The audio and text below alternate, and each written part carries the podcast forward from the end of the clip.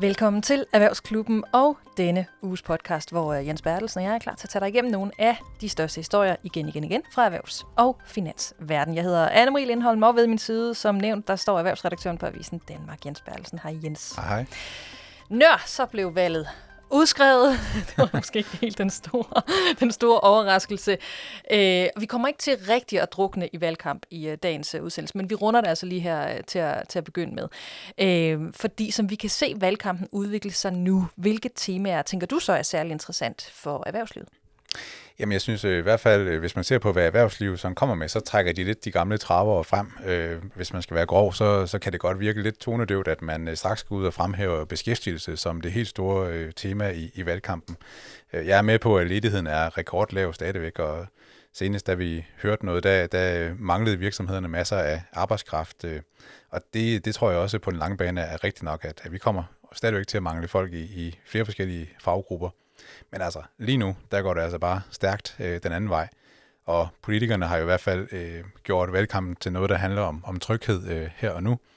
Og, øhm, og så kan vi også imens se, at antallet af jobannoncer, de, de falder nu, og man kan også være bekymret for, om de mange øh, jobopslag, der er, om det overhovedet fører til ansættelser, fordi vi kan jo høre på virksomhederne, at de øh, trækker i den grad i håndbremsen mm. lige nu, fordi de kan bare se økonomisk krise forude. Og set fra vores bord, er der så andre temaer, som du vurderer, der vil give rigtig god mening, altså hvis de kommer til at fylde i, i valgkampen? Jeg synes fint, de kan spille ind på den her tryghedsvalgkamp, øh, fordi øh, det handler jo både om sikkerhedspolitik. Øh, når politikerne taler, så er det jo meget øh, forbrugerne, borgernes øh, økonomi. Men, men det er jo også vigtigt for virksomhederne, de, de aner simpelthen ikke, hvad de skal skrive i deres budgetter for, for 2023. Øh, alting er åbent til vores eksportmarked, og de, de bløder. Vi ved ikke, om vi løber tør for, for gas. Øh, energipriserne er, uanset hvad, øh, tårnhøje. Øh, der, og det er de også på materialer, så, så altså her torsdag morgen, hvor vi taler, der er der lige kommet et øh, konkurstal for, for september, ja. som nu ligger på det højeste niveau i, i 10 år. Øh, dels fordi mange ikke kan betale de her øh, momslån til staten efter coronakrisen, men også dels fordi øh, mange bliver kvalt af energiregninger lige nu. Så erhvervslivet har altså også brug for noget tryghed, og hvordan og hvorledes det lige kommer til at fylde i valgkampen, jamen det har vi jo så i små, små fire uger til at, at finde ud af. Det bliver en lang øh, valgkamp. Der er god tid. Det er der. En bank, som de færreste giver meget opmærksomhed til daglig, gav i øh, begyndelsen af den her uge flere danske bankaktier en mavepuster på børsen. Mindelser til finanskrisen er en del af forklaringen. Det er banken øh, Credit Suisse, der i øjeblikket er omdrejningspunktet for ny usikkerhed på finansmarkederne, hvor der er spekulation om en kritisk kapitalsituation og likviditet. Ifølge Financial Times så har øh, Storbanken hen over weekenden nedsat arbejdsgrupper, der aktivt har opsøgt bankens topkunder for at berolige dem og forsikre dem om bankens øh, finansielle situation. Men altså, investorerne de flygtede i hobetal, og aktiekursen faldt massivt. Med os har vi nu Per Hansen, aktieanalytiker hos Nordnet. Hej Per. Hej igen. Altså, historien er jo druknet en lille smule i valgsnak her i løbet af, af ugen, og så er valget blevet udskrevet, og det gjorde det sådan set ikke bedre. Men hvad er status på den her historie nu? Jamen, status er jo, at øh, der er vel sådan set ikke rigtig nogen endelig afklaring. Aktien er godt nok steget lidt fra det laveste niveau. Den er stadigvæk cirka halveret i år, og den er næsten kursmæssigt udraderet det seneste årti. Så man må sige, ja, der er måske nogen, der er blevet en lille smule beroliget fra det allermest alarmerende niveau, men tvivlen, den nærer stadigvæk. Ja, det er altid lidt særligt, når det er en bank, fordi det vækker jo, altså det, det kan man godt få sådan en grund øh, indeni over. Altså jeg har jo set flere analytikere komme med sammenligninger til, til nogle af de her bankkrak, øh, vi så både op til og under finanskrisen. Øh, dem har du sikkert også øh, læst, Per. Hvad, hvad tænker du øh, om dem? Jamen, der er jo øh, rundt omkring os, der er mange synlige og tydelige udfordringer. Det er, er faktisk, det er jo ingen hemmelighed for nogen overhovedet. Der er inflation, der er energipriser, der er øh, stigende renter, der er boligprisfald, der er Rusland og Ukraine, for at bare nævne nogen, der er højst på agendaen. Så der er masser af udfordringer. Jeg forstår sådan set godt, at der er nogen, der ligesom lader tiden glide tilbage til 2008, hvor det var banksektoren, som var omdrejningspunktet for den nedtur, som var meget brutal. Men jeg tror, at sandsynligheden eller risikoen for, at vi får en øh, gentagelse af det i 2008, øh, den er meget lille og meget mindre end det, som folk egentlig regner med. Og det skyldes jo ikke, at vi ikke kan få en stor nedtur igen. Det kan vi altid. Det er sådan, økonomien den udvikler sig, og det er fordi vi som mennesker, vi er ligesom når vi sætter os ind i en bil, enten så kører vi, eller så kører vi overhovedet ikke.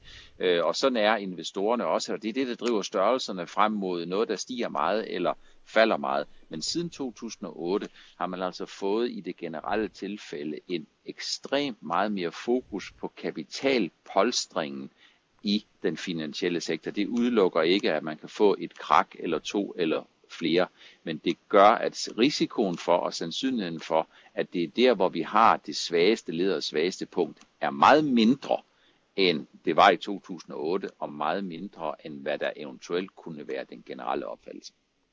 Men jeg tænkte på, at måske skulle vi sætte et par ord på, hvorfor vi interesserer os så meget for en Credit Suisse, altså en bank, som øh, nok meget få herhjemme egentlig kender specielt godt. Øh, der er ikke nogen, der er kunder i den, øh, som vi kender så meget til. Per, hvorfor er det, det lige præcis den her bank, den kan trække overskrifter over hele verden?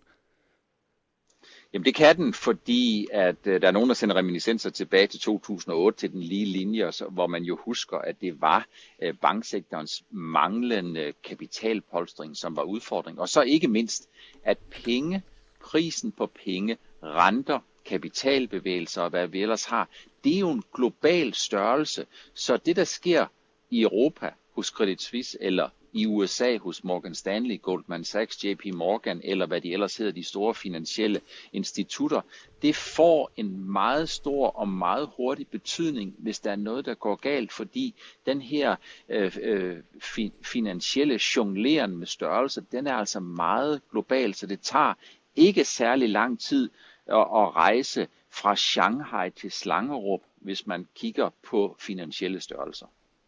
Men kan vi så ikke lige prøve at rise op? Altså, nu siger du selv, hvis noget går galt. Hvordan er det så gået så galt for Credit øh, Suisse, at, at, øh, at de her spekulationer de er opstået? Jamen, jeg tror, at det skyldes flere ting. Credit Suisse er sådan hverken fugl eller fisk, så de er mest investeringsbank, når det gælder risiko, øh, og så er de en lille smule traditionel bank også. Så de har haft lidt svært ved at finde ud af, hvad de egentlig skulle øh, være. Så som udgangspunkt, så var de jo Credit Suisse, og så købte de for mange år siden noget, der hed First Boston, en investeringsbank i USA, så hed det Credit Suisse First Boston. Men de blev hverken det ene eller det andet. De blev ikke rigtig store i USA, og de blev ikke sådan anset som værende den her store, stærke, globale bank med betydelige investeringsbankaktiviteter og en normal bankforretning ved siden af. Og så også en anden ting. Credit Suisse, hvis man kigger de sidste 10-12 år, jamen det har jo egentlig bare været en bank, som, som simpelthen har tjent alt for få penge. Og når banken tjener alt for få penge, så er den ikke tilstrækkeligt profitabel, den er ikke tilstrækkeligt kapitaliseret, og så betyder det, at når man kommer ind i noget finansielt stormvær, jamen så bliver man meget hurtigt en af dem, som man kigger på som en potentiel syndebuk, ganske simpelt fordi de har for lidt at stå imod med, og det her det ligner faktisk noget af det, som vi har set i Deutsche Bank. Deutsche Bank for 15 år siden var en rigtig, rigtig stor tysk bank, som på toppen af en højkonjunktur i 2006-2007 lavede tæt på 25% i egenkapitalforretning. Og når man laver så meget, jamen så er man i verdensklasse for så vidt angår profitabilitet. Siden der er det bare gået vanvittigt ned ad bakke. De tjener stort set ingen penge. De forrenter egenkapitalen med 2, 3, 4 procent, og det gør simpelthen, at prisen på egen fremkapital for en bank som Deutsche Bank, den er bare alt for stor. Så de er egentlig bare sådan en, der bare daller lidt derudad, og det er Credit Suisse sådan set også et godt eller skidt eksempel på. Jamen, hvad tænker du så om den måde, investorerne de har reageret på? Altså nu var der det her øh, store, øh, massive øh, kursdyk mandag, og så siger du, at den har artet sig lidt. Altså er det helt i tråd med, hvad du ville have forventet, eller er det en, er det en overreaktion? Jamen, nu har jeg jo været med i 32 eller 33 år i den her game, og hver eneste gang jeg ser noget, der, der ser vildt ud, så tænker jeg altid på, hold da fast, det ser lidt vildt ud. Men det er jo fordi, det er finansielle størrelse, det er den virkelige verden, der bliver tilsat en risikopræmie, som stikker fuldstændig af fra nogle investorer, som er 0 eller 1. Enten så har de lyst til at købe rigtig meget af en given vare, uanset prisen, eller også så ønsker de ikke at eje den, uanset prisen. Så man må sige, er det her en overreaktion? Tja, hmm, det er sådan lidt business as usual. Det er lidt vildere, noget voldsommere, end man forudser. Betyder noget af det, du siger her, at du ikke umiddelbart øh, tænker, der er en risiko for, at øh, Credit Suisse ender med at gå rabundo, som jo virkelig er det, langt de fleste går og er bekymret for? Jeg tror ikke, at risikoen på Credit Suisse er super stor, og når jeg siger det, så er det ikke fordi, jeg er ekspert på Credit Suisse, men så er det fordi alles øjne nu er på Credit Suisse. Og det vil sige, når alles øjne er på Credit Suisse, så er risikoen for, at der sker lige netop noget med Credit Suisse, den er ret lille. Det er sådan lidt ligesom, hvis øh, man sætter folk, hvis man sætter en lang række soldater, 15.000 soldater til at bevogte Storebæltsforbindelsen, så er sandsynligheden for, at der slipper nogen over Storebæltsforbindelsen, som ikke skulle være sluppet over Storebæltsforbindelsen, øh, med noget, som de ikke skulle være sluppet over med, den er ikke ret stor. Så jeg tænker mere, at, at risikoen kan komme et andet sted fra en anden bank, eller en anden finansiel konstruktion, eller en anden risiko, som vi i dag har mindre fokus på. Hør dig sige, at du udelukker sådan en kædereaktion, altså hvis nu Credit Suisse ikke klarer skærende, øh, udelukker du så den her kædereaktion, som vi kunne sprede sig til andre banker, også de danske? Det er, i hvert fald, det er ikke det, du ser, øh, ser kan, bliver, bliver sandsynligt. Min 33-årige erfaring gør, at man gør klogt i ikke at udelukke noget kategorisk, men jeg vil sige, det er mindre eller meget lidt sandsynligt. Okay. Vi havde jo en plan for et par uger siden, øh, Jens og jeg, om at vi her i løbet af efteråret ville tale om fordele og ulemper ved at købe øh, bankaktier. Øh, fordi fordelene på det tidspunkt, de var meget tydelige at få øje på. Hvad, hvad vil du fremhæve i den her forbindelse? Altså er det blevet mere risikabelt at kaste sin, øh, sin kærlighed på bankaktier? Jamen det er blevet mere risikabelt at, at, at kigge på bankaktierne, men der er der jo også, hvad skal man sige, sådan lidt en moderering i det. Så hvis man kigger over til dato og kigger på nogle af de to danske bankaktier, som kom lidt i uføre nu her i starten af ugen, dengang at øh, Øh, rygterne om Credit Suisse de var på deres højeste, så var det Sydbank og Jyske Bank, som øh, startede øh, mandagen med at falde med en 8-9 procent.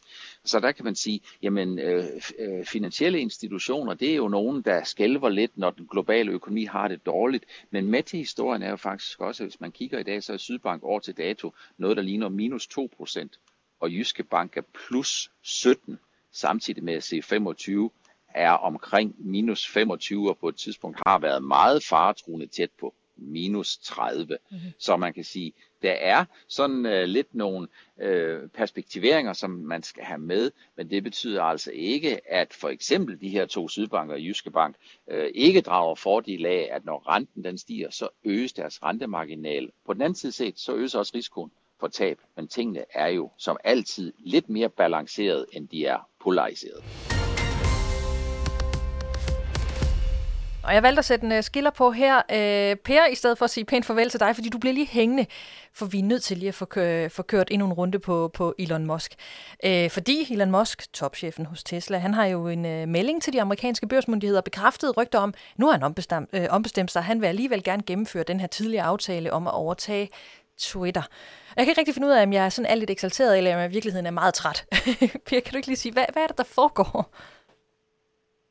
Ja, man kan sige, at Elon Musk han har jo lavet et U-turn inden, enten inde på en parkeringsplads eller også i et øh, vejkryds. Jeg tror, han er slet og ret blevet klar over, at hans chancer for at vinde i den retssag, som skulle øh, løbe fra den 17. til den 21. i, i 10. det vil sige umiddelbart i løbet af de næste par uger, der er hans muligheder for at vinde, de er dårlige. Han har ikke betinget sig, da han bød på Twitter og underskrev det her dokument, at øh, han skulle have en due diligence, altså en dybere analyse af, hvordan Twitters bøger de ser ud.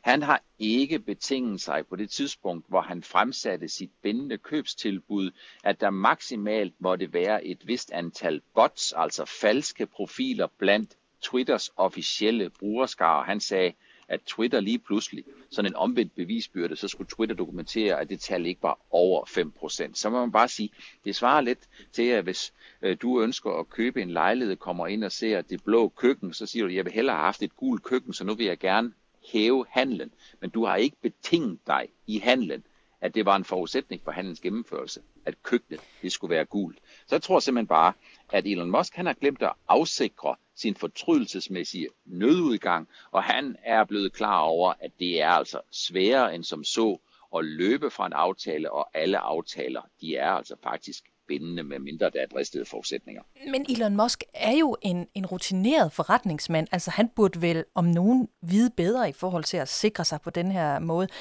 Kan vi så godt tillade os at være overrasket over, at han, han ikke har sikret sig bedre?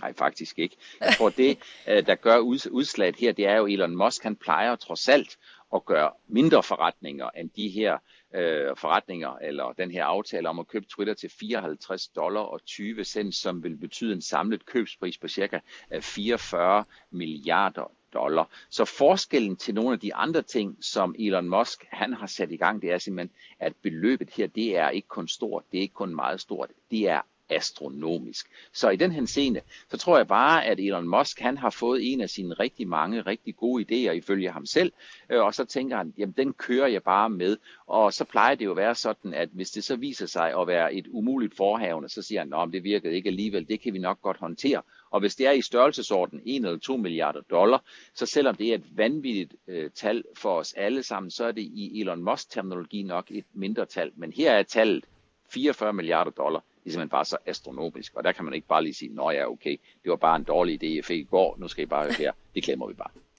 Men Per, der, der er jo også sådan nye øh, spekulationer om, hvad Elon Musk så vil bruge øh, Twitter til, og han er jo som altid lidt gådefuld, øh, når han øh, skriver om det. Det gør han jo på, på Twitter. Øh, har du en fornemmelse af, hvad hans øh, plan sådan er med, med Twitter som sådan en everything-app, og hvad han nu kalder det? Det har jeg faktisk ikke. Øh, men at der skal ske noget dramatisk, det tror jeg ikke, øh, der kan være tvivl over det, fordi det her det er ikke bare corner morte, for når vi snakker om en kystpris på 44 milliarder dollar, som er astronomisk, både i absolut henseende, men også i forhold til Twitters nuværende situation og nuværende indtjening, og ikke mindst, at en del af købsprisen jo skal finansieres med obligationsudstedelse eller med gæld, hvor prisen på gælden, prisen på pengene, prisen på at låne, den er steget dramatisk. Både fordi de amerikanske statsobligationsrenter øh, de er steget meget, og fordi der er rentespænden til at låne til sådan nogle øh, forhaven, som her også er steget meget. Så der skal ske nogle helt andre ting, og man skal brede Twitter ud til noget helt andet og mere, end det er i dag. Og det handler altså ikke bare om at lade den enkelte om at komme frit til ord. Så nej, jeg har desværre ikke nogen øh, øh, fuldbefaren opskrift på, hvad Elon Musk han vil gøre, men det er jeg ret sikker på, det får vi i løbet af de næste to til tre måneder. Men hvordan ser du så det her i forhold til, til Twitter? Øh, er, er det her både på den korte og den lange bane? Altså, er, er det gode nyheder for Twitter? Det her er et rigtig godt spørgsmål. Det, der er helt 100% garanteret, det er, at det er øh, virkelig gode nyheder for Twitters investorer. Fordi i det her år, hvor aktierne er faldet med 20-25%, hvor vi har set nogle enkelte øh, aktieindeks, der falder mere end det, hvor vi ser store aktier, der falder 30, 40, 50% der vil Twitters investorer, de vil altså komme ud med mere end blot skinnen på næsen, og mens alle mulige andre, de tager penge, så vil de få en rigtig, rigtig god pris for deres Twitter-aktier. Hvad det her betyder for Twitter, det er spændende. Altså jeg, kan ikke, øh, jeg er ikke sikker på, at jeg kan tælle det på en gang, eller på en hånd, måske kan jeg godt, at hvor mange gange vi har talt om den her Twitter-handel i uh, Erhvervsklubben. Kan vi ikke lige slutte af med et lille vedmål? Tror I, at vi kommer til at tale om den her handel igen, fordi noget nyt er sket? Øh, altså afgørende nyt. Jens, hvad tror du, at det er det sidste gang, vi har talt om den her handel? Nej, det tror jeg ikke. Det tror jeg. Og jeg tror, jeg er nemlig ret spændt på, at han, han kommer med en plan, vi er nødt til at snakke om, hvad, hvad der skal ske med, med Twitter. Der kommer til at ske noget spændende, som både kan være med betalingsmoduler og alle mulige ting. Okay, og hvad, hvad med dig, Per? Jeg tror ikke, man kommer helt udenom af en eller anden form for en betaling, eller en øget betaling for reklamer, eller et eller andet andet. Og det er simpelthen fordi, hvis man skal kunne forrente den købspris, så skal man lave et helt andet og et helt nyt Twitter, ikke mindst på indtægtssiden. Jeg tror ikke, det er udgifterne, der er det store problem, men det er på indtægtssiden, hvor det er det halter. Og det er det, der bliver det spændende. Og jeg tror ligesom Jens, jeg tror ikke, vi har hørt det sidste om Twitter endnu, men vi har formentlig hørt det sidste om Twitter, eller overvejende det sidste om Twitter i sin børsnoteringstid. Per Hansen, aktieanalytiker hos Nordnet. Tak fordi du var med i Erhvervsklubben. Tak fordi jeg fik lov til at være med igen. Det blev ikke en strålende start på regnskabsåret hos Bang, og Olufsen, som jo i første kvartal af selskabet, sådan lidt øh, skæve regnskabsår, som de jo kører med, måtte øh, slås med et øh, stort salgstykke og en generel tilbage, øh, tilbageholdenhed hos forbrugerne. Jens, hvad er din umiddelbare reaktion på det her regnskab? Måske at det er godt, det ikke er gået værre. De holder fast i deres forventninger for, for hele regnskabsåret, som sådan ligner lidt status quo i forhold til, til sidste år. Men de har selvfølgelig øje for, at øh, verdensøkonomien er, er usikker. De har indført øh, ansættelsesstop, øh, holder igen med, med investeringer. Og, og det er da trist, fordi det er jo så øh, endnu en ting, der bidrager til et, et sortsyn i, i industrien øh, herhjemme og, og i udlandet. Mm-hmm. Men når vi kigger på øh, regnskabet, så kan vi jo se det her øh, mærkbare salgstykke. Altså, hvad skyldes det? Det er især Kina, der trækker ned. Øh, BO har godt fat i, i Asien og især i, i Kina. Men det kinesiske marked har jo bare været ramt af, af nedlukninger på grund af corona, og det har fået butikkerne derover til at, at stoppe, eller i hvert fald at holde igen med at, at bestille øh, flere produkter fra, fra B&O. Øh, omsætningen faldt samlet set med 8 procent, men hvis man alene kigger på de dyreste produkter, altså fjernsyn og de store højtalere, så var nedgangen på, på 20 procent. Ja. Så der er også noget der, B&O siger selv, at det skyldes, at de har øh, tilladt sig at hæve priserne. Så det er altså inflationen, der står igennem her, og, og kunderne de kvitterer så ved at købe øh, færre af de der helt store flagskibe i øh, B&O-sortimentet, som de her tv for eksempel er. Men når BO så vælger at fastholde deres forventninger til året, altså selvom de leverer det her underskud øh, i, i det her kvartal, giver det så mening for dig? Det virker optimistisk, optimistisk men øh, det er jo også tidligt på regnskabsåret nu. Øh, det første kvartal, som de er ude af nu, altså som du også lige sagde, så er det sådan et forskudt regnskabsår i forhold til, til kalenderåret. Mm.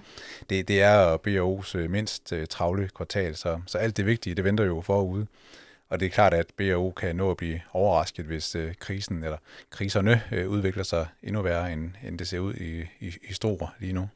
Ja, fordi ser det her realistisk ud for dig? Altså når du kigger på tallene, så i øvrigt på den her tid, vi lever i, hvor de fleste begynder at spare, hvor de kan, og som du selv siger, altså det er et, vi bruger flertal, når vi taler om kriser. Jamen, øh, jeg tænker jo, at der, der står BAO jo på, på to ben. Altså de har nogle ekstremt dyre luksusprodukter, og den slags behøver ikke at blive super hårdt ramt øh, i en krise som den her. Nu, nu tager vi ja-hatten på og, og giver dem lidt øh, medvind, men milliardærer er jo stadigvæk øh, milliardærer, og der er stadigvæk fodboldspillere og racerkører, der tjener mm. mange millioner om året. Og, og bare her i lille Danmark, der er jo masser af kunder i øh, sådan øh, private banking segmentet, kan man sige, som har rigtig godt råd til at, at købe B&O til, til stuen.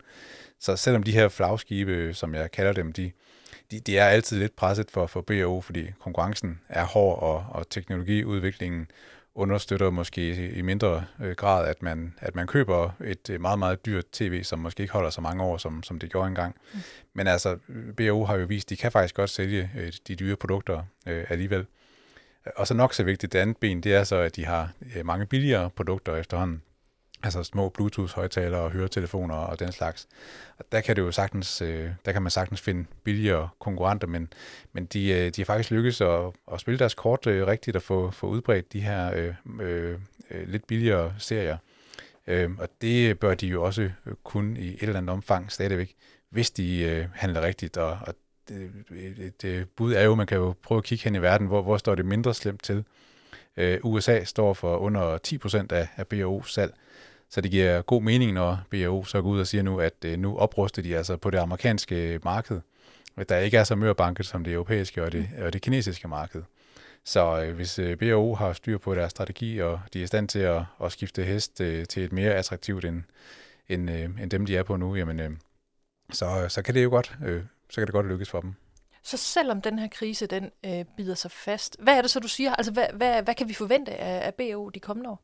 Jamen, der er jo så mange, der, der har lyst til at, at sige, at nu kan det ikke gå længere for, for BO, og det er jo ikke rigtig lykkes for nogen at få ret i, i den påstand. Øh, de klarer sig igennem, og, og hvis øh, topchefen øh, Christian Thier øh, virkelig har styr på sin strategi og, produkterne falder i kundernes smag, jamen så kan det jo godt ske, at BO har en, en fremtid foran sig.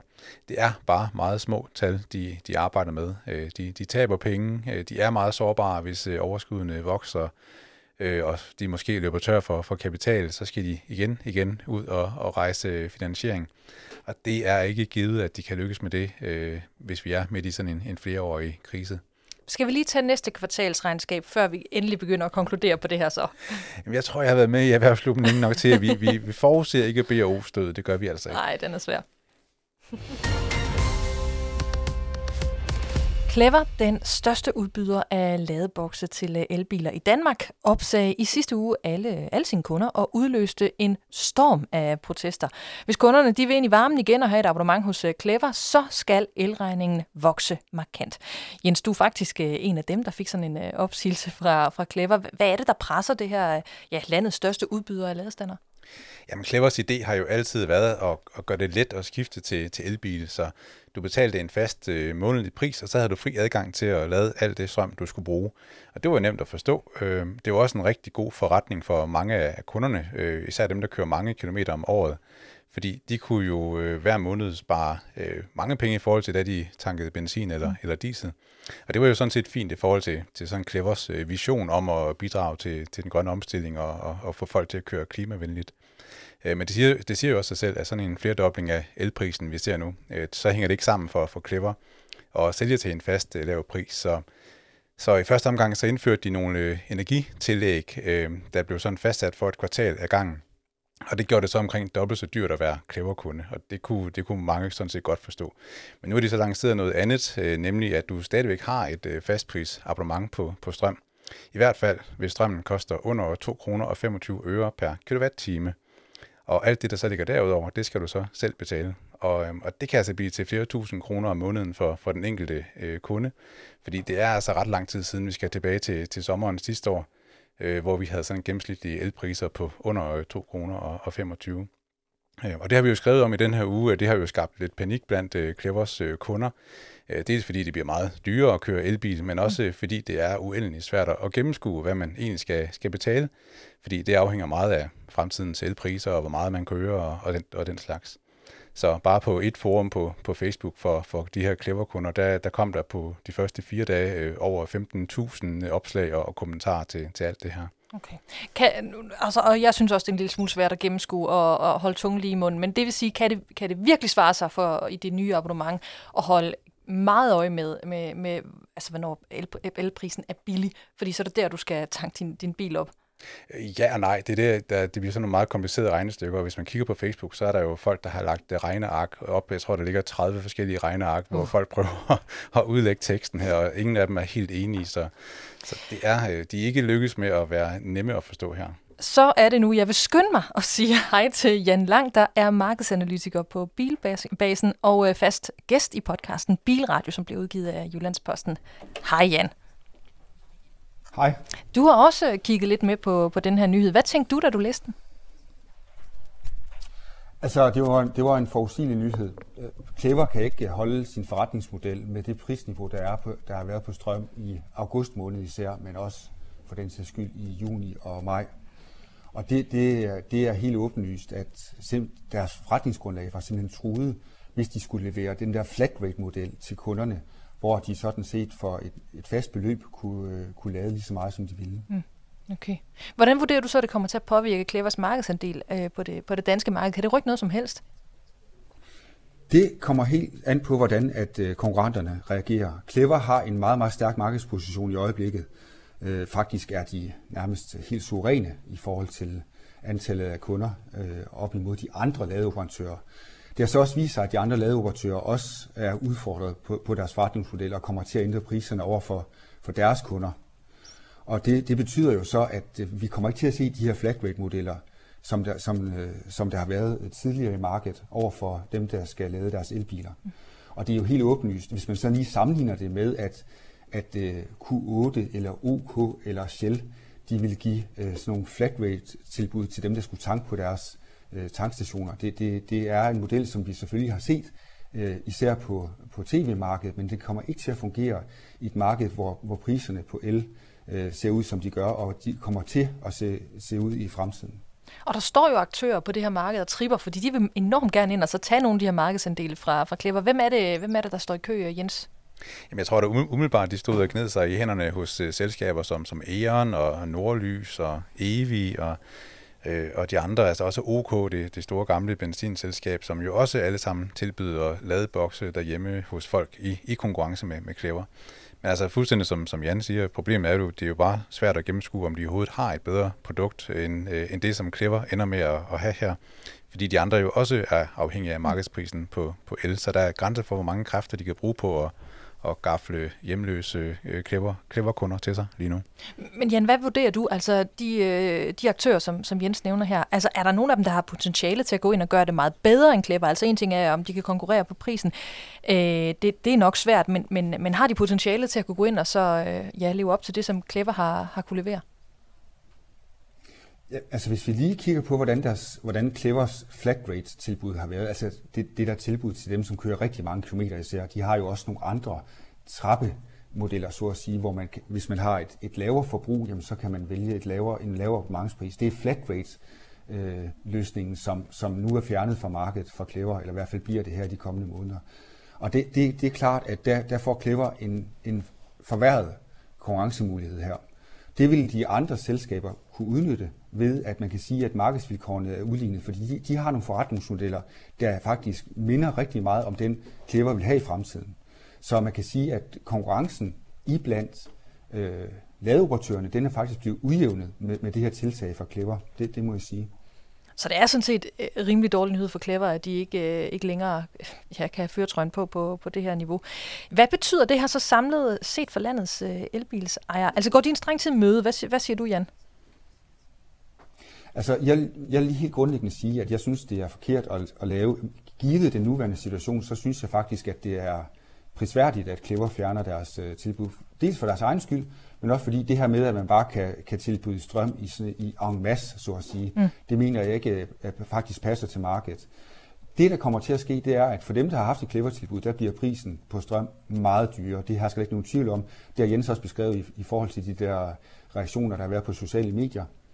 Men det kan også, det, der er faktisk også en anden situation, som kan gøre sig gældende. Det er, hvad, hvad, hvad, hvad hvis nu, at vi ser ind i en, en fremtid med lave elpriser? I går eksempelvis, der var strømmen jo gratis ved en lang øh, række operatører mellem øh, 14 og 17, på grund af, at der blev produceret så meget vindenergi. Så, så er det jo klart, at så, så får vi nogle andre muligheder. Men vi kommer heller ikke til at se prisniveauer på strøm, som der har været i, især i august måned, hvor der var nogle peaks helt op omkring 9 kroner per kilowatt-time. Allerede i september måned, der faldt prisen for, for strøm markant, og den er, den er faldende her i oktober også. Så spørgsmålet er, om det der peak, som vi har set i august måned, om det måske har forandret nogle ting vejet, øh, hvilket jeg mener faktisk er en ret interessant situation at kigge ind i, mm. ud fra et markedsmæssigt perspektiv. Ja, fordi hvad, hvad er det, du tænker, det jeg så kommer jeg til at rykke? Jeg ved ikke, om det var svar på de spørgsmål. jo, det, jamen, det synes jeg, jo, det var. Men, men, ja, men det er bare spørgsmålet, hvor, hvor, hvor kommer det så til at rykke markedet hen, hvis det er, hvis det, er det her, der er tilfældet, som du er inde på? Jamen lad os se. For det første, så tror jeg, eller det, det er helt åbenlyst, at konkurrencen blandt ladeoperatørerne, den kommer til at stige nu. Clevers markante markedsfordel, den er fjernet. Og det vil altså sige, at nu bliver der, nu bliver der bedre rum for konkurrence blandt ladeoperatørerne over, over for forbrugerne, altså over for dem, der vil købe øh, strøm til deres elbiler. Det, det har jeg slet ikke nogen tvivl om. Hvordan det så kommer til at udvikle sig øh, i den kommende tid, det, det, det, det, det, det må vi kigge på. Men alt andet lige, så er det her til fordel for forbrugeren på længere sigt, ud fra, at man ikke, man kan simpelthen ikke have en flat rate model øh, til, til elbilisterne i Danmark. Det, det er min klare vurdering. Okay.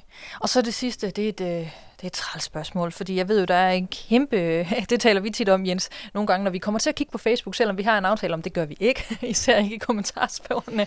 Øh, men der er de her bilister, elbilister, som har en diskussion med, med de traditionelle diesel- og benzinbilister om, hvad der bedst kan svare sig. Og lige nu der, der har vi lagt mærke til nogle benzin- og dieselbilister, som, som siger, haha, hvad sagde jeg? Jens, øh, er det blevet sværere for det her til at løbe rundt for, for, for elbilisterne i forhold til, hvad, hvilke muligheder de havde, hvis de ikke kørte el? Jamen det er det mindre sjovt at være elbilejer nu her i de, i de kommende måneder, og der skal man så nok huske på at ret freden mod Putin og, og hele energikrisen, fordi det er jo også, som, som Jan siger, det er svært at se, hvorfor elbilejerne ikke selv er nødt til at betale for den strøm, de, de bruger. Mm. Øh, men som jeg så, jeg skrev også en analyse i den her uge, hvor der sådan handlede om, at øh, det er bare meget umoden, det her lademarked endnu. Altså selvom de har sådan set været i gang i over 10 år, så har vi ikke sådan fundet den endelige model for, øh, hvordan man skal lade sin, sin elbil. Og det bliver lidt ligesom med, med forsikringer og mobilabonnementer, at man skal altså en gang imellem lige tjekke, om, om man er det, det rigtige sted. Øh, men altså, der er jo nogen, som synes, at man skulle belønnes med noget billig strøm til gengæld for, at man, man kører i en bil med begrænset rækkevidde, og nogle gange skal man holde i kø for at, at lade. Øh, og den virkelighed er så lidt anderledes øh, nu i hvert fald. Så øh, kan det være, at Jan vil give mig ret i, at, at elbiler er så bare utrolig behagelige at, at køre i, og, og øh, man kan vel også godt øh, sole sig lidt i at være en pioner inden for den grønne omstilling stadigvæk. Det vil jeg ikke. Vil du give Jens ret i det, Jan? Ja, det er det rigtige perspektiv. Ja. Øh, det er således, at vi har lavet en et totaløkonomisk analyse øh, her i sidste uge af omkostninger til de fire forskellige biltyper, altså det vil sige benzin, diesel, plug-in hybrider og elbiler. Og der er det sådan, at det stadigvæk klart er elbilen, der er den billigste, når vi kigger over et treårigt perspektiv, hvor man kører 20.000 km om året. Der koster en gennemsnitlig elbil til ca. 350.000 kroner. Den koster 2 kroner 80 øre per kilometer at køre i, og det er alt inklusiv. Hvorimod hvis man tager en diesel til samme pris, altså en dieselbil til samme pris, så koster den 3 kroner 80 øre. Og el er stadigvæk klart billigere end plug-in hybriderne og benzinbilerne. Når det nu er, at forbrugerne er kommet sig over det der prischok på elbilerne, altså på strøm, rettere sagt ikke på elbilerne, men på strøm, så vil de også erfare, at det er elbilen, der er den billigste bil at køre i, både på kort, mellem og lang sigt i Danmark. Og det vil jeg så sige, at der, vi vil se en udbredelse af de her lavemissionsbiler øh, i de kommende år. Vi lader øh, Clever og elbiler øh, ligge for en øh, stund, men Jan, du bliver hængende, fordi vi har et hængeparti fra sidste gang, vi, vi udgav et program, vi lige skal have talt om. Og hængepartiet, det er, at vi skal have fulgt øh, op på Porsche, fordi for et bur siden, der stod, øh, ja, der stod vi jo og glæde os her i studiet, og nu siger jeg vi, jeg mener i virkeligheden dig, Jens, du stod hoppet lidt af begejstring, fordi Porsche var på vej på børsen, og det glædede du dig særligt til. Øhm, og Jan, øh, jeg, jeg har jo ikke noget at spørge dig øh, endnu, men var det her også en begivenhed, du glædede dig til? Ja, det er nok øh, en af de allerstørste begivenheder, der har været i især den tyske bilindustri.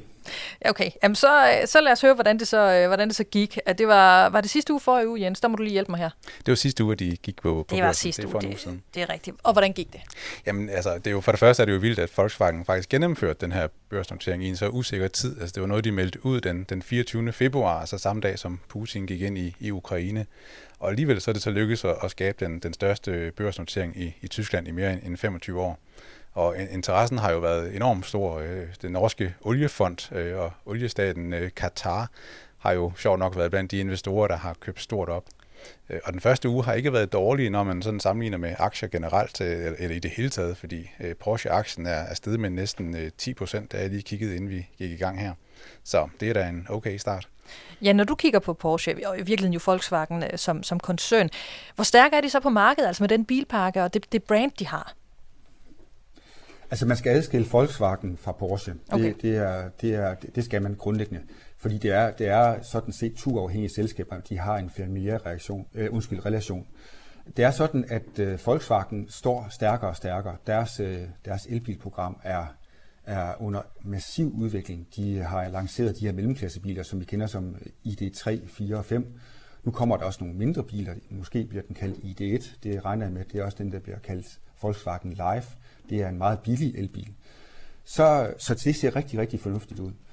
På Porsche, der, Porsche har jo været en succeshistorie faktisk øh, i de sidste 10 år, især i den, i den tyske bilindustri. De har formået at brede det her luksusbrand ud fra øh, de her meget, meget klassiske sportsmodeller til også øh, øh de, her, de her lidt limousineagtige typer som Porsche Panamera, og ikke mindst de her SUV'er, som for alvor har reddet Porsche i form af øh, Cayenne og Macan-modellerne. Nu er de i gang med en elektrificering, og de deler faktisk øh, nogle teknologiske platforme med deres øh, øh, søsterselskab fra, eller moderselskab kan man også kalde det, fra Volkswagen.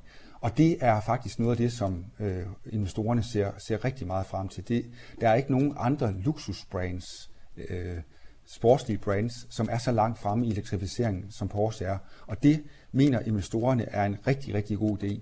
Især fordi vi ser nogle efter nogle markeder i, i Asien og i USA og til dels også i Europa, hvor de, de mener, at der er meget, meget stor efterspørgsel efter de her biler. Så, så Volkswagen er længere, Porsche er på vej, Porsche har kæmpe potentiale, værdifastsættelsen af, af Porsche var overraskende tæt på hele værdifastsættelsen af Volkswagen i, i forbindelse med den her, det her salg af, af aktier. Så, så det, det, der er kæmpe store forventninger til, at Porsche skal spille en meget, meget afgørende rolle i den tyske bilindustris elektrificering i de kommende år. Tror du, de kommer til det? Ja, det tror jeg, de gør. Mm. Jeg tror, for det første, så, så, så, så det, de har lovet investorerne, det er, det er jo en elektrificering af en lang række modeller, og nye modeller kommer. I seneste vil de øh, komme med eksempelvis en, en øh, Panamera, altså det vil sige en konkurrent til, de, øh, til nogle af de der luksuslimousiner, som vi har set fra Mercedes, og det ser meget, meget lovende ud. Så, så jeg er helt sikker på, at Porsche får den succes øh, fremadrettet, som de også har haft i de seneste 10 år. Og set, altså set for dit skrivebord med det, du normalt plejer at kigge på, så er du ikke rigtig overrasket over, at de her aktier de blev, de blev reddet væk? Altså jeg vil sige det på den måde, øh, deres forventninger i starten af året var jo en værdi, der lå op omkring 140 milliarder euro. Det blev det ikke til, øh, men givet det, den, øh, altså den, den situation, som bilindustrien er i i øjeblikket, så synes jeg faktisk, at den værdifastsættelse, som de endte med på omkring 75 milliarder, er, er meget, meget, meget flot. Okay. Men det var jo lidt noget råd, har jeg også kunne læse mig op på, i forhold til Porsche, for det ligner jo faktisk, at en del investorer er kommet til at købe den forkerte aktie. Jens, kan du ikke lige rise op? Det var faktisk dig, der opdagede det. Hvad, hvad går det ud på? Jamen, det er en lidt pussy historie, fordi man kan godt blive lidt forvirret, fordi der findes to Porsche-aktier på, på børsen, som man kan købe op i. Øh, den gamle aktie, det er Porsche-familiens øh, holdingselskab, der hedder Porsche Automobil Holding, mm. Øh, stiftet af Wolfgang Porsche tilbage i 2007. Og den skal man holde sig fra. Øh, den nye aktie, den knytter sig så til, til bilfabrikken øh, Porsche AG, øh, og man kan kende den på dens tickernavn. Det er sådan en unik kode, de har, de her aktier. Og den hedder P911 altså med reference til Porsches øh, legendariske bilmodel Porsche 911. Og det synes du også er genialt. Ja, det synes jeg er lidt sjovt. Og grunden til, at vi nørder lidt rundt i det her, det er så, at der er faktisk nogen, der er blevet forvirret her. Øh, jeg, jeg har set sådan en fem minutter lang, øh, meget dybsindig analyse af Porsche-aktien på Yahoo Finance, hvor det hele tiden taler om den forkerte Porsche-aktie. Så det gav noget misvisende historie om Porsche-fabrikkens første tid på, på børsen. Så P911, det er den, man skal holde øje med. Nå, men altså nu har jeg jo øh, to mænd med i Erhvervsklubben øh, samtidig, som begge går rigtig meget op i biler. Så nu er jeg spændt på at høre, er der nogen af jer, der har købt Porsche-aktier. Øh, Var du ude, Jens? Øh, nej, jeg har lovet min søn på 11 år at hjælpe ham med at købe en, en Porsche-aktie for hans egne penge. Øh, han, han vurderer i hvert fald, at det langsigtet er en, er en god investering, så der er han helt på linje med den norske oliefond. Okay, og Jan, hvad med dig? Nej, det har jeg heller ikke. Nej, okay. Jan Lang, tak fordi du var med i Erhvervsklubben, debutant og alt muligt. Ja, tak for at jeg måtte være med. For et år siden skrev en af vores øh, gode kollegaer en artikel om, at nu, hvor inflationen den endelig var sådan på så småt på vej op, så var det pludselig blevet en god forretning at have gæld i sin bolig. Dengang, der var renterne stadig uhørt lave, men inflationen var jo altså også kun lige på vej op. Nu skal vi tage et tjek på, om det her stadig er gode nyheder, altså at have gæld i sin bolig i et marked, hvor renterne jo er alt andet end lave. Med os der har vi Carsten Ingemann Jensen, der er økonomisk rådgiver, han er stifter og indehaver af Pengeministeriet. Hej Carsten. Hej. Carsten, dengang for lidt over et år siden, hvor artiklen udkom, der kunne det virkelig svare sig at have gæld i sin bolig. Kan du lige forklare, hvorfor? Jamen, øh, dengang der kunne det svare sig at have gæld i boligen, fordi at øh, renten var jo sådan set negativ, og vi havde, øh, vi havde svagt stigende priser, og det betød, at øh, man i realiteten lånte penge og fik øh, pensionsselskaberne til at betale en del af renten, fordi det var jo dem, der købte de der boligobligationer, som vi andre vi låner pengene i. Så, så, så på den måde så var det en god øh, forretning dengang. Og hvad har så ændret sig nu i forhold til, hvorvidt det er en god forretning? Ja, nu er vi i den situation, at øh, nu er inflationen den er øh, steget så meget, eller priserne er på kort tid steget så meget, at man faktisk kan sige, at øh, vi får udhulet vores, øh, vores gæld. Og det vil så sige, at hvis vi har en gæld på 2 millioner kroner i vores bolig, og øh, pris, priserne stiger med 10%, så er vores købekraft jo forværret med 10%, og det rammer jo dem, der bor til leje. Men øh, folk, der bor i ejerbolig, de kan jo så se, at øh, værdien af deres gæld, den er faktisk også blevet reduceret med 20% i form af denne her faldende købekraft, så, eller 10% i form af denne her øh, faldende købekraft. Så det vil sige, i realiteten så har de altså tjent 200.000 kroner på, at øh, gælden er blevet mindre værd målt i de her inflationskroner. Men betyder det så isoleret set, at det er en, at det stadigvæk er en fordel med gæld i boligen, selvom rentemarkedet jo er helt øh, anderledes end dengang? Altså, hører dig egentlig sige, at det, at det er en endnu bedre, hvad kan man, det er endnu bedre nu, end det var for et år siden at have gæld i boligen? Det, der er ved det, det er lige nu, der er inflationen, den er steget, øh, den er altså priserne er steget temmelig meget, så det kommer jo til at gavne, at øh, vi har en gevinst på værdien af vores gæld. Så er renten også steget, og fortsætter renten med at være meget høj, jamen så er det jo klart, så bliver det dyrere for os at, at have denne her gæld i, i længden. Men indtil videre, så er der sket det, at, at renten på øh, variabelt forrentede lån, altså for eksempel et kortlån, den er jo ikke steget særlig meget, så for dem, der har et kortlån, så vil jeg sige, der er altså en øh, gevinst på deres boliglån her, som er ret betydelig. Betyder det, du siger her, at de fleste boligejers gæld årligt øh, mister mere i værdi, end det de betaler, altså til renter og bidragssatser på deres realkreditlån? Ja, i det her øjebliksbillede, vi har, der er det en øh, til gavn for boligejerne, fordi at prisstigningerne lige nu er så høje, så det, øh, det overstiger, hvad de betaler i rente. Så det er en ganske, ganske pæn gevinst. Men hvad kan boligejerne så med gæld bruge det her til, altså helt konkret?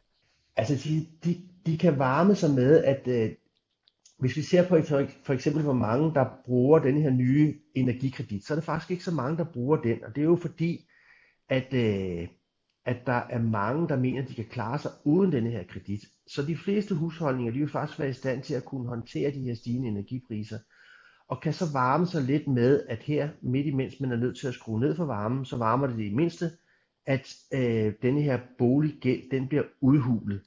Og så har vi altså bare den her usikkerhed omkring, hvad kommer renterne til at, hvordan kommer de til at udvikle sig i fremtiden. Men foreløbig har vi jo set det billede, at F-kortrenten, den er jo ikke gået op. Det er, det er de fastforrentede lån, som er blevet dyrere. Mm-hmm. Så, så alle dem, der sikrede sig et, et lån dengang, at renterne var, var meget lave, 0,5, 1 procent osv., de, de skal sådan set, øh, bare som du ser det, skal de bare blive siddende og så og have det øh, meget rart og trygt og godt med, med det lån, de valgte dengang? Ja, det skal de da i hvert fald, fordi nu bliver, nu bliver denne her gæld, den bliver udhulet af inflationen, og så er der mange, der prøver at lokke dem ud af de her gode lån ved at love dem en øh, nedbringelse af restgælden, hvis de hopper over i en anden type lån. Men så kommer de jo bare til at betale de her omkostninger på en anden måde, så, så hvis, hvis jeg havde et lån med fast rente, øh, så ville jeg da helt klart beholde det, og så nyde godt af, at inflationen udhuler det, og så vil jeg da være med at hoppe på den der galej med, at man kan nedbringe sin restgæld, og så måske, måske, måske få en mm. gevinst på det her, hvis ikke, hvis ikke renten forbliver på det her meget høje løn, øh, lån. Så det, her, det, det er bestemt en sikker og god gevinst. Men hvad så med alle dem? For det her det var jo en meget populær øvelse, altså det her med at konvertere enten en skrå eller en, øh, en, en direkte konvertering øhm, øh, i forhold til det du, det, du siger her. Hvordan ser situationen ud for alle de boligejere, øh, som enten skal vælge et boliglån i dag, eller som øh, lavede den her konvertering? Altså dem, der har lavet den skrå, den direkte af deres boliglån til en favorabel kurs, men nu til gengæld jo så har låst sig fast på en højere fast eller fleksibel rente. Ja, alle dem, der har foretaget denne her konvertering fra et fastforrentet lån til et andet fastforrentet lån, de er i en usikker situation, fordi det kan godt være, at de har fået nedbragt deres restgæld, og de synes, det lyder rigtig godt, men de kommer til at betale en højere rente i fremtiden. Og de eneste, der kommer til med sikkerhed at tjene på det her, det er de banker, der foretager de her konverteringer. Så er der nogen, der har sagt, at vi vil gerne gå fra en fast rente over til en variabel rente, de skal så huske på, at de faktisk har ændret deres risikostrategi fra at være noget, hvor de gerne vil betale lidt for at have en fast rente, til nu lige pludselig at høste en gevinst, for så til gengæld at have en risiko på den korte rente. Så de har altså ændret deres adfærd med hensyn til deres boliglån, og det skal de jo være opmærksomme på. Men hvis de har ændret adfærd, og de er fuldstændig opmærksomme på, hvad det her det betyder, jamen så kan de jo gøre det, at de kan lægge besparelsen til side, og gemme de penge til, hvis nu renten skulle stige, så er de alligevel garderet på den måde. Så det har været en god forretning at gå over i fra fast rente til F-kort for eksempel, hvis altså vi også er sikre på, at den korte rente, den heller ikke stiger mm. ind i himlen, sådan som vi jo har set, at øh, de faste renter gjorde øh, her for de, igennem de seneste måneder. Altså hvis vi kigger på, hvordan det så er for de såkaldte opsparer for et år siden, altså der var det jo ikke en god forretning at penge stående på, på kontoen, altså på grund af negative renter osv. Men den situation er vel ikke blevet meget bedre i dag, selvom vi er kommet, øh, altså kommet de her negative renter til livs? Nej, det er den bestemt ikke. Den er faktisk blevet meget, meget værre end dengang vi betalte negativ rente, fordi at øh, dengang vi betalte negativ rente, der betalte vi 0,6-0,7 procent til banken. Det brød vi os ikke om, men til gengæld så var inflationen meget, meget lille, så der var ikke så meget udhuling på vores, øh, på vores forbrugsmuligheder. Hvis vi har penge stående i banken nu, og vi får 0 i rente, og inflationen den så har de her meget store udsving og giver nogle store prisstigninger, jamen så er det jo et direkte tab. Så, og det bliver jo svært at, at, at, at, dæmme op for, med mindre man så går ud og skal investere de her penge i en tid, hvor at, øh, der, der er inflation, Øh, så så det, det er svært lige nu. Man taber penge på at penge stående i banken, og man mm. taber faktisk mere købekraft end dengang, hvor banken øh, tog minusrente. Og hvad er så det optimale for nye boligejere at gøre i den her tid, hvor det er så svært? Altså, det virker ikke som om, de har alverden af muligheder. Hvad er det gode råd, hvis du skal sikre din økonomi i denne her tid? Hvordan vil du så skrue sådan en, en pakke sammen? Jamen, jeg vil sjovt nok gøre det, som øh, jeg hele tiden anbefaler, og det er at sørge for at vurdere, hvor stor friværdien er i forhold til øh, det, der ligesom passer til resten af ens økonomi. er der mulighed for at, at tage lidt af friværdien og investere dem på, øh, på lang sigt, øh, sådan så man er sikker på, at det også kommer til at give en gevinst. Det har noget at gøre med, hvordan ens økonomiske rammer er, og det har noget at gøre med, hvad ens tidshorisont ligesom er.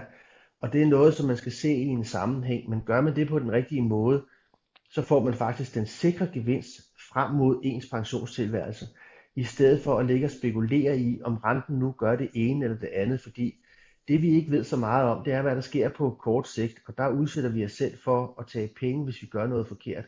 Men laver vi en plan for det lange sigt, så er vi til gengæld sikre på, at vi får en økonomisk gevinst i forhold til det, vi forventer på det lange sigt. Så har man et øh, variabelforrentet lån lige nu, så skal man lade være med at lave om på det. Har man et fastforrentet lån lige nu, og man ikke lige har foretaget øh, konverteringer, så skal man også beholde det, indtil stormen ligesom har lagt sig over de her vande, og så kan man på et tidspunkt beslutte sig for, nu vil man gerne lave en anden økonomisk plan, mm. men det skal altså være noget, hvor at pension, boligøkonomi, friværdi og boliggæld, det hænger sammen med, hvad man har af indkomst, økonomiske rammer og livsønsker.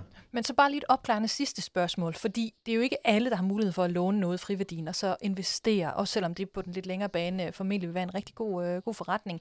Men hvis man har muligheden for at op, altså lade være med at afdrage, er det så en til en øh, en lige så god idé, hvis, og så prøve pengene over i investeringer, sådan som du ser det? Ja, det er afgjort en, øh, en god forretning, hvis man kan, hvis, altså årsagen til, at man snakker om, at man skal afdrage gæld, det er fordi, at man skal jo lave en eller anden fortal, øh, opsparing til, til man bliver ældre, og der er boligøkonomien øh, et rigtig godt emne. Et bolig, den fortsætter med at stige over de kommende år. Det kan godt være, at den tager et dyk ned. Men kan man tage i stedet for at afdrage sin gæld, altså putte penge ind i mursten, og så putte det over i noget, der giver et sikkert og stabilt afkast, så får man jo faktisk øh, en gevinst både på gyngerne og på karusellerne, og det kommer til at bidrage til afkastet på ens boligøkonomi med, hvad der svarer til øh, 10-35% af ens formue. Og det er meget ofte, at så siger folk, jamen vi, boligerne stiger jo ikke så hurtigt øh, i vores del af landet, men det er faktisk lige præcis der, hvor man så til gengæld også får mest ud af at udnytte sin friværdi til at investere i noget andet end bare boligen. Carsten Ingemann Jensen, økonomisk rådgiver i Pengeministeriet. Tusind tak, fordi du er med i Erhvervsklubben. Tusind tak. Det var alt fra Erhvervsklubben i denne her uge. Tak for endnu en god uge i Erhvervsklubben, Jens. Selv tak. Til dig, der lytter med. Vi høres ved igen om en uge.